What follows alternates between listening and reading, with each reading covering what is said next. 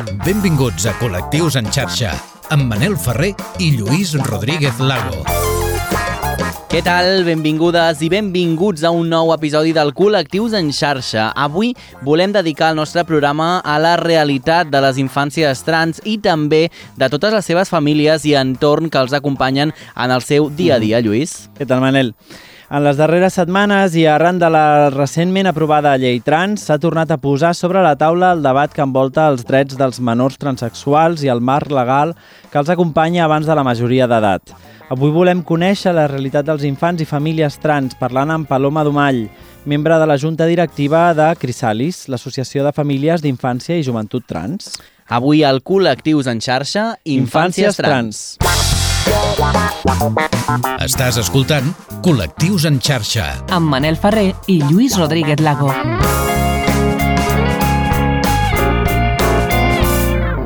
A Espanya comptem actualment amb més de 800 menors trans, cadascun amb la seva pròpia realitat però lluitant plegats per a que reconegui la seva identitat de manera legal. Una lluita que s'agrupa a través de dues grans eh, agrupacions, l'Associació Crisalis i també, avui també parlem de la Fundació Daniela, dos columnes molt importants i no sempre escoltades suficientment ni tampoc a temps per l'elaboració de la nova llei trans. Amb la nova llei trans, encara tots aquells nens i nenes menors de 14 anys hauran de seguir declarant davant d'un jutge per poder executar un canvi registral de sexe, una mesura que no és suficient pel sector més feminista i que afirma que les persones menors d'edat no tenen capacitat per saber si volen ser home o dona fins que no arriben pràcticament a, a l'edat adulta. Uh -huh. I també us hem de dir que la realitat de les famílies amb menors trans és especialment complicada perquè mentre veuen que els seus eh, fills i filles no se senten identificats amb el gènere de naixement, veuen també com les xarxes socials els acusen de manipular-los i d'intentar pervertir també la seva identitat. No, Lluís, molt dur, eh? A la vegada, aquesta presència a les xarxes de pares i mares de nens trans també serveix com a un pulmó extra de respiració per a aquestes famílies no? en la mateixa situació i que necessiten una llum al final del túnel i veus externes que els ajuden a fer tràmits com, per exemple, aconseguir una autorització per poder canviar el nom de l'infant a les escoles. Perquè els pols oposats també s'atreuen, escolta col·lectius en xarxa. Primer de tot, Lluís, hem de dir que una transició de gènere a la infància no sempre segueix els mateixos tempos tipus. Per exemple, eh, pot començar amb un canvi de nom, l'ús de pronoms o canvis físics, com per exemple la modificació de l'aparença. Avui dia existeixen molts pocs estudis que parlin sobre infàncies trans, però existeix un estudi realitzat per la Universitat de Princeton i eh, liderat per la psicòloga Cristina Olson, on va acompanyar a 317 menors durant 5 anys des del moment en el que van començar la seva transició. En aquest estudi van participar 208, nen 208 nenes trans i 109 nens trans, compresos tots entre els, els 3 i els 12 anys.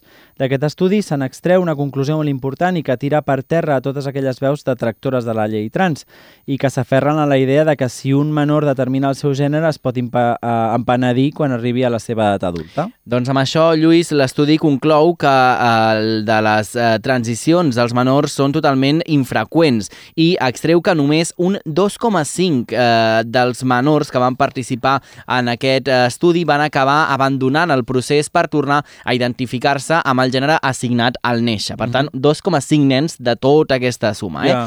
El 94% dels participants van seguir conformes amb la seva decisió i un 3,5% van afirmar que no eh, es feien enrere, però que el procés els va servir per descobrir el gènere no binari. Clar. Aquesta investigadora assegura ella mateixa que l'estudi té algunes limitacions, doncs el 70% de participants eren blancs i amb progenitors que comptaven amb uns ingressos econòmics molt estables. Hem de dir que aquesta referència és important relacionada amb el recolzament que poden tenir per part de les seves famílies, així com les restes de violències com el racisme i que acaben també coincidint amb la, trans amb la, amb la transfòbia. I ara anem a fer una ullada al que diu la nova llei trans i que reconeix l'autodeterminació de gènere. El Congrés dels Diputats va aprovar el passat dijous 16 de febrer la llei trans i de garantia dels drets LGTBI que permet que el col·lectiu pugui realitzar un canvi de nom i de sexe en el registre civil sense ningú requeriment, això sí, a partir dels 16 anys. Uh -huh. L'entrada en vigor d'aquesta llei suposa la despatologització del col·lectiu degut a que elimina els requeriments necessaris per fins ara per accedir a aquest procediment. Doncs abans de la llei es demanava un diagnòstic mèdic que acrediti una disfòria de gènere i un tractament hormonal que mínim s'allargava durant dos anys. I ara amb la llei trans, quina és l'edat límit per canviar de sexe en menors? Doncs podran fer-ho sense cap requisit. A partir dels 16 anys, els menors que es trobin entre els 14 i els 16 anys hauran d'estar acompanyats dels seus pares per dur a terme aquest procés. En el cas de que el menor d'entre de, 14 i 16 anys no compti amb el consentiment dels seus pares, la justícia anomena un defensor judicial que resoldrà aquest conflicte. Dels 12 als 14 anys també es pot modificar el gènere, sempre i quan el menor o la menor tingui l'autorització d'un jutge que haurà d'examinar el seu estat de maduresa. Per últim, els menors de 12 anys no podran fer el canvi de la, la menció registral del sexe, però sí el seu nom per ajustar-lo al gènere amb el que s'identifiquen. Uh -huh. I ara que ja sabem el que diu la llei trans pel que fa als infants, anem a obrir una mica també la vista de lupa per fer-nos amb algunes dades més i que poden ajudar-nos a entendre la realitat dels infants trans. La majoria dels nens i nenes comencen a identificar-se clarament amb diferències físiques masculines i femenines al voltant dels dos anys d'edat. Aquestes diferències determinen ja el primer sexe i a partir d'aquí, Lluís, també es comencen uh -huh. a vincular amb les joguines i també amb la manera de relacionar-se de l'infant. Això ho deus veure molt a, a l'escola, no, Lluís? I tant, sí, sí. Entre els 2 i 5 anys s'estableix la identitat de gènere. En aquell punt eh, es defineix l'ús de peces de roba, la manera de pentinar-se i el nom amb el que es vol ser conegut. També es comencen a identificar les seves conductes i els seus estils de relacions socials. Uh -huh. Lluís, com a curiositat, ara ho estava digues, pensant digues. mentre parlant, però a, a l'escola en la que treballes o en qualsevol altra, has pogut veure un procés aquests de transició d'algun alumne sí. que has anat veient com anar fent totes aquestes fases? Sí, eh, mira, quan, eh, no només això, eh, però quan, quan parlàvem d'aquest tema, nosaltres sempre els hi preguntem a les famílies com, com, els, com els nens i les nenes, com se'ls anomena a casa, mm -hmm. encara que mhm. tinguin un nom. D'acord, d'acord. Perquè mm -hmm. a vegades es fan servir diminutius, a vegades mm -hmm. es fan servir altres... Bueno, altres com, com, com ell reconeix el seu nom o ella, no? Mm -hmm. I després sí, després hem, hem vist eh, nens i nenes que, que han tingut eh, conductes o, sí, conductes eh, que, que s'encaminaven possiblement o, bueno, o, o, o a tendències fora de, del que és habitual en, quan un s'identifica amb un gènere o amb un altre. Sí. Uh -huh.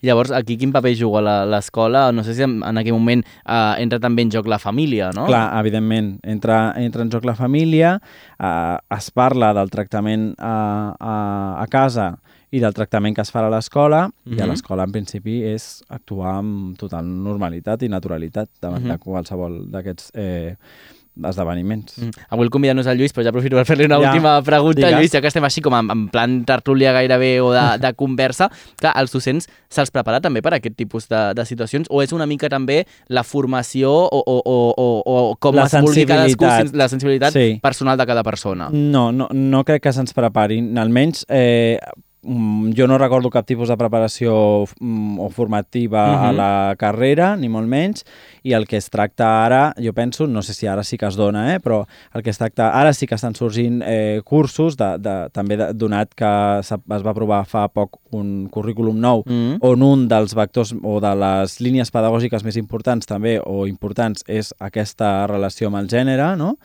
eh, i l'educació sexoafectiva, però sí que és veritat que surt al currículum, però no hi ha una formació reglada o, o intensiva mm. o preparada per part de la Generalitat per formar a, a, als claustres en general. Llavors, depèn molt encara de la sensibilitat de cadascú, de la, de la línia pedagògica de l'escola i de la pressió una mica de grup, en segons quins casos jo crec que es faci mm -hmm. en els claustres. Molt bé, podem, podem seguir, eh, Lluís, si vols. Vale. Eh, I anàvem per aquí. Hem de Exacte. dir que la, la identitat de gènere és el concepte que cadascú té d'ell mateix, no? per la qual cosa mm -hmm. no pot ser imposada ni qüestionada per tercers. També cal aclarir que la identitat de gènere és independent de l'orientació sexual i que cada persona acaba definint al llarg de la seva vida. Els pares i les mares també es pregunten quan poden donar-se compte de que els seus fills o filles estan passant en un, per un procés trans. I existeixen casos que demostren que edats molt prematures, a partir dels 3, 4 mm -hmm. o 5 anys, algunes famílies també comenten que els seus fills i filles van començar a donar senyals de que se'n sentien diferents a la seva biologia que mostraven. Segueix-nos a les xarxes. Busca'ns i recupera tots els nostres programes, imatges i vídeos exclusius. Col·lectius en xarxa, a Twitter, Instagram i a les principals plataformes de podcasting.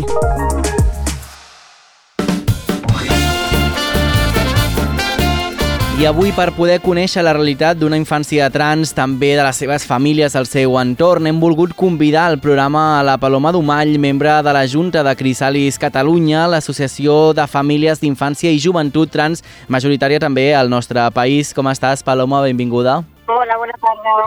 Gràcies per estar amb nosaltres eh, i avui ens anirà molt bé perquè ara li preguntava a Lluís, perquè a part de fer el col·lectiu en xarxa i també sí. és eh, mestre, profe, docent, eh, com et vulguis eh, classificar, Lluís, per tant, aquesta conversa ens anirà molt bé també doncs, eh, que hi mm -hmm. puguis participar. Per començar pel principi, per conèixer també una mica la teva realitat, eh, Paloma, quina és la teva vinculació amb Crisalis? Per què en formes part? Doncs um, tinc una nena trans de 10 anys Uh -huh. I fa tres que va fer el trànsit, ens va dir que, que era una nena i doncs a partir d'aquí ens anem informant i contactem amb Crisalis Uh -huh. i ja, bueno, només, només que ens van agafar el telèfon ja van saber que aquest era el nostre lloc. Uh -huh. Perquè, clar, és una associació que és de famílies, no Mhm. és una associació per, per persones trans. Sinó per famílies que acompanyen a persones trans, ja sigui infància o adolescència, cosa que estava com més, més allunyada no, de la societat Mhm. i, doncs, clar, pues, pues, així va començar la nostra història. I realment vosaltres us vau sentir, la família es va sentir acompanyada per la- per l'associació, veig. Doncs sí, sí, molt acompanyada i clar, que explicaves la teva vivència i t'entenien perfectament. Mhm. No et jutjaven, no et jutgen, no? Clar, i això és molt important, tenir recolzament, tenir suport de famílies. Que també han passat pel mateix que tu, doncs, doncs sí, sí, Mhm. sí. Paloma, ens parlaves de la teva filla i nosaltres també doncs, hem explicat una mica aquesta part més teòrica, no? Mm. Però jo crec que aprofitant que tenim aquí, eh, volem que ens expliquis una mica també com va ser doncs, eh, tota aquesta transició, és a dir, no sé si vosaltres eh, com a pares eh, us veu donar compte vosaltres mateixos, també veu comptar amb el que potser va verbalitzar la vostra filla, és a dir, com veu viure aquesta transició dins de la família, en el vostre cas? Doncs eh, en aquest cas estaven, bueno, estàvem al- en ple confinament i Mhm. estaven a casa, eh, jo estava teletreballant i el meu marit eh, anava a treballar. I doncs jo estava tot el dia amb la- amb l'Alícia i, i, i l'altre l'altre infant que tinc Mm? i doncs va començar a verbalitzar mira que guapa que estic, es va, posar, es va començar a posar vestits, ja se'ls havia posat abans, eh, per Mhm. això, però ja va ser com molt insistent i doncs eh, la vaig agafar jo i la vaig treure al sofà i li vaig explicar doncs tot el ventall de possibilitats que, que, que n'hi ha, no?, de gènere. Mhm. Així, però, però sense mirar res. I jo vaig, jo vaig asseure-la i dic, mira, carinyo, eh, existeixen aquest tipus de persones, pam, pam, pam. I ja em va mirar i em, i em va dir, amb un somriure, puc ser, puc ser noia, doncs? I dic, sí, clar, carinyo, sí que pots ser nena. I Mhm. així va començar. Sí que és veritat que, que nosaltres no vam educar-la en, o sigui, diferenciant eh, les joguines per gènere, per exemple, o la roba, o, o sigui que si volia posar-se una faldilla, o si volia pintar-se les ungles, o, bueno, de fet, feia ballet, Mm. i, o sigui, bueno, continua fent-lo, però vull dir que, mm, que sempre s'ha sortit de la norma, però clar, nosaltres pues, ho veiem normal, o sigui, ho, veiem, ho vivien amb, Mhm. amb tota la naturalitat perquè, bueno, perquè s'ha de viure així. Potser perquè ja vosaltres no associàveu, mm, no, associàveu el, no, li, no li posàveu la càrrega de gènere a les activitats que, per exemple, m'estaves dient, no? Exacte, sí, Mhm. sí, sí, perquè, bueno, igual que un dia t'apareix en faldilla, eh, l'altre, doncs, jo què sé, amb un pantaló que li, jo què sé, dues talles més, és que no, Sí.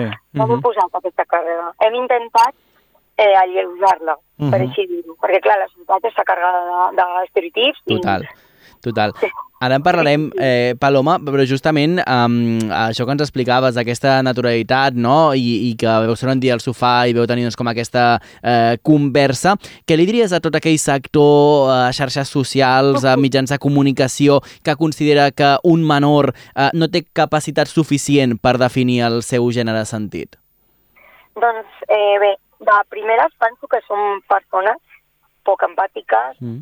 Que no escolten, que no volen escoltar, i suposo que pensaran que la seva realitat és l'única realitat del món. Eh, crec que és important, bueno, jo penso que això ho Mhm. mm. pensa tothom, no? Sí. Eh, és important que vagin obrint els ulls, que intentin escoltar una mica més, que surtin de la, de la zona de confort que tenen i que comencin a empatitzar a la, amb la resta de persones, ja no només amb l'infància i l'adolescència trans, sinó amb la resta de, de, de persones. Uh Mm. -huh. eh, un infant té, o sigui, des dels 3 anys, inclús abans, ja té la seva identitat. Sí, ja, ja és conscient de la seva identitat. Una altra cosa és que no ho sàpiga dir, Clar.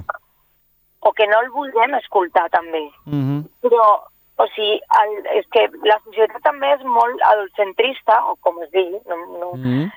i, clar, pensem que la persona adulta és la que mana, perquè així ens han educat, o, o, o això és el que normalment es diu, i que l'infant que no, que no té res a dir. I no és cert. O sigui, mm, la meva filla sap que sempre ha estat una noia. Sí, I ho sap perfectament i ho diu. Diu, però no sabia com dir-vos. Clar. Ja. Ha intent... Clar, és que ha intentat encaixar durant set anys de la seva vida eh, en els rols d'un noi eh, que, que ja li venia imposat. Uh -huh. I ja us dic que no l'ha passat bé. Clar. I només veure els dibuixos que feia abans i que fa, i que fa ara, després del trànsit, sí, no tenen res a veure. Uh -huh. Ja, sí, perquè moltes vegades, bueno, ho veiem, no?, que en, ens pensem que només l'escola o les famílies estem educant, però en, eh, l'entorn també fa aquesta pressió sobre els nens i les nenes. Sí, sí, sí, la, bueno, ja la pressió social Clar. és que la tenim, la tenim tothom des de que neixem. Uh -huh. Clar. I, Paloma, tu que has estat en contacte amb més famílies, eh, suposo per l'associació també, com viuen les famílies, no sé si mm, en general dir-te o si tens algun cas potser que, que, que t'ha cridat l'atenció, aquesta transició dels menors, com l'acostumen a viure? A veure, mm, tota, o sigui, cada persona és un món i, Mhm. i bueno, cada família ho viu a la seva manera. Eh, jo, per exemple, que ho vaig viure amb molta naturalitat, però jo, per exemple, vaig passar un dol. Ja, O sigui, a, mi, a mi em va costar uns mesos posar-me com... Bueno, ja està bé, no? Però sí, jo estava acompanyant la meva filla, però jo estava passant el meu dol. Clar. El meu marit no. O sigui que, però vaja, eh, hi ha famílies que viuen amb tota la naturalitat i, i bé, es canvien el nom i fan una festa i d'altres que potser els hi costa anys. Clar. Sí, I aquest Sí, acompanyament cap a tu, sí. com va ser aquest acompanyament cap a tu? O el vas rebre o no? O...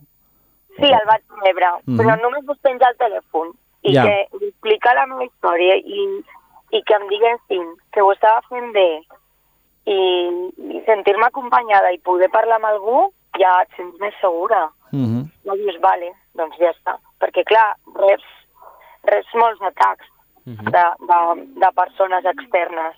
Mhm. Clar, que si, que si l'estàs deixant que faci el que vulgui, que si ets molt permissiva, perquè tot era cap a mi, clar. El Ja, pare no, clar. no ha fet res, la mare és la dolenta, en general també, però doncs això, no? Que, bueno, una cosa és no entendre les coses i una altra és voler escoltar i voler informar-te. Clar. En general deies que, que s'atribueix a la mare aquesta, aquest paper? Ho has viscut així? Home, en general, jo socialment sí, ho visc així. Ja, ja. Mhm. Socialment sí. O sigui, el moment de néixer, perquè no, que et quedes embarassada, perquè ara tens Ja, un fill, ja. és que ser així, és que no sé què, tot. Mm. En general, Ara menys, però és veritat que Sí, sempre sí. és cap a la mare, Sí, sí. normalment, Mhm. majoritàriament. Uh, Paloma, hi ha una part també important, ara després de preguntaré també la teva opinió per aquesta recent eh, llei trans, però volia parlar també de l'etapa d'escolarització, perquè és que la teva filla doncs, està en una edat escolar encara i en una aula doncs, al final hi ha tantes opinions com nens i pares no? Mm. hi ha a cadascuna d'aquestes aules. Uh, com definiries uh, aquesta etapa d'escolarització prèvia a aquesta llei que s'ha aprovat ara? No sé si les escoles posen facilitats, uh, si les famílies són eh, comprensives, uh, si la resta d'alumnes alumnes també estan capacitats i tenen capacitat eh, doncs, per fer aquest acolliment. Com definiries aquest eh, terme? Doncs tot depèn de amb qui estiguis. Uh -huh. I segons, segons eh, la persona docent, segons les famílies. Però ja us asseguro que, que els infants sí? no tenen tanta por com les persones adultes. Uh -huh. Tenen menys prejudicis, segurament, no?, els nens i les nenes. Uh -huh. Sí, exacte. Sí, l'Alicia va tornar després del confinament fent l'Alicia uh -huh. i, i ho va poder expressar la mestra en aquell moment, uh -huh. que, bueno, que sempre l'estarem agraïda, va fer una bona feina, molt bona feina d'acompanyament, de que es pogués expressar. També la resta es podia expressar al grup i bé, doncs això de donant espai de confiança i per, i per, per poder dialogar i preguntar des del respecte, doncs ho van treballar molt bé. Mm -hmm.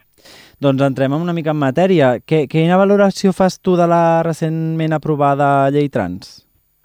Doncs, a veure, és una gran passa eh, endavant i que mm -hmm. de drets, de reconeixement, és molt important. Jo penso que és molt important. Però mm. també penso que, que s'ha de continuar fent camí per poder millorar. Doncs això, no?, que parlàvem de la societat, en política també, i sobretot s'ha d'invertir en, en educació pública, és el que penso, eh? Uh -huh. eh sobretot en educació afectiu-sexual, em sembla que ja l'heu tractat, uh -huh. però és, és que el considero molt important, perquè treballar l'educació afectiu-sexual estàs treballant el respecte, l'autoestima, l'autoconeixement, que és molt important també, mm -hmm, el mm-hmm. consentiment i la pròpia identitat. I el nou currículum eh, també eh, té un paper important, però clar, si no es doten les escoles eh, doncs amb formació docent, amb clar. informació també per les famílies, si, bueno, si no s'inverteix en educació és com si no res. O sigui, per molt que ho expliquis al currículum, mm per molt que expliquis al currículum, doncs és, és igual. Mm -hmm. Estic fent que sí, que sí amb el cap tota l'estona, sí, eh? Sí, ara no, no, és ràdio que no se'ns escolta, però també estem gravant en vídeo el programa, per tant, si busqueu el vídeo a YouTube, veureu a Lluís dient que, que, sí, que, sí, que, que sí. sí. Uh, um, ens explicaves també, Paloma, que tu tens un altre infant i en aquest cas, um, aprenent, entenc ja també de l'experiència de l'Alicia, doncs no posat aquesta pressió no, de determinar un gènere no, i ni tampoc uns pronoms. Doncs sí, bueno, ho, ho vam intentar, però és molt difícil. Mm. Però, yeah. bueno, eh, van seguir la mateixa línia, no?, sí. que amb l'Alicia. Sí. I que, bueno, que és el nostre pare. I ja cap a, cap a l'any i mig o dos anys, eh, clar, quan li deien, ai, quina nena més maca, no sé què, i ja un dia va dir, eh, mira, que és que no sóc una nena, sóc yeah. una persona. I ja va començar així, Mm -hmm. I a vegades pues, li deien, però si no ets una nena, si ets un nen. I ja que no, que no sóc ni nen ni nena, que sóc una persona. I bé, intentem tractar de persona, eh, bueno, utilitzant el femení o quan puguem, o quan ens en recordem, que mm -hmm. últimament ja pues, és més comú, doncs el, el neutre, mm -hmm. perquè bueno, pues ja, ja anirem fent. Però bé. Clar, ens deies que és com molt difícil, entenc també per, per aquesta mm, necessitat constant que n'hem parlat aquí també en aquest programa, de, de posar etiquetes, no? de voler-ho definir tot, tota l'estona, no? amb aquest toc que tenim una mica de voler posar etiquetes absolutament tot. Més enllà d'això, quina dificultat més trobeu perquè eh, es pugui definir com a persona i ja està? És a dir, no sé si està preparat també eh, doncs, la societat eh, o, o, o encara se'ns obliga a ser nen, nena, home, dona, eh, no ens podem quedar al mig o no definir-nos o definir-nos cada dia amb un gènere diferent? No es pot fer això? Doncs jo penso que encara no. Uh -huh. la, la societat és binarista i, uh -huh. i, bueno, eh, poder aconseguir algun canvi, però, home, la llei ja és molt important, però s'ha de... és que no... Ens, en- o sigui, no, encara, encara hi ha molta Mm. feina per fer. Mm. I quants I formularis... Perdona, perdona.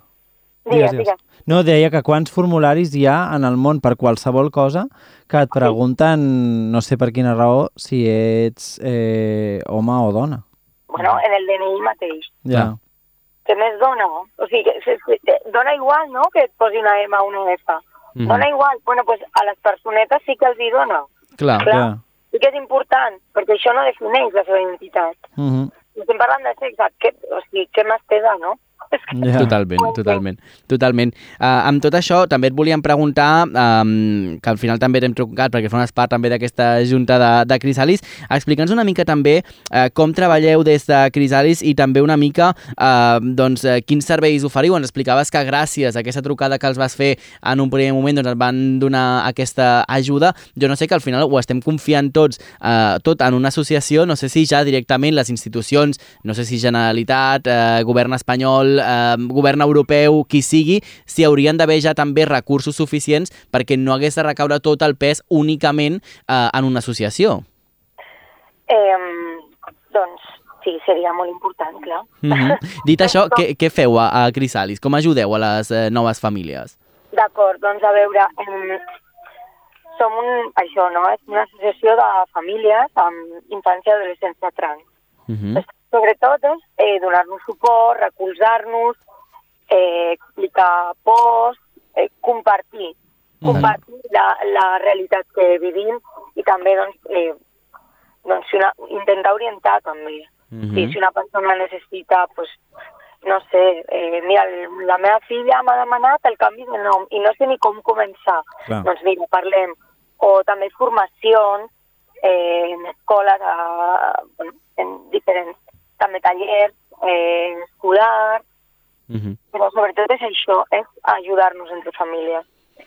Totalment, i de fet donant respostes a, a coses tan importants com aquestes, és a dir, m'han demanat canviar el nom, com es pot fer, no? Existeix un, exacte, existeix un formulari per presentar a les escoles eh, per ser referit amb un nom que no sigui el que apareix en el teu document d'identitat. És una cosa que potser pensem que és molt simple, però cal que algú t'ho expliqui, Clar. perquè no hi ha un manual per saber-ho fer, no? Clar, no hi ha un manual i sobretot cada registre civil Mm. fa el que vol. D'acord. Ja. O sigui, segons, segons la persona que tinguis davant, Mm. uh, podràs canviar el nom o no. Clar. Ostres. Clar, Això complica perquè no pots crear uns eh, criteris unificats, no? exacte, és molt subjectiu Mhm. i si la persona eh, pues és, és respectuosa amb la diversitat, Mhm. segurament anirà bé. Però com tingui idees uh, pues més tradicionals, Mhm. diguem-ho així, doncs no podràs fer res.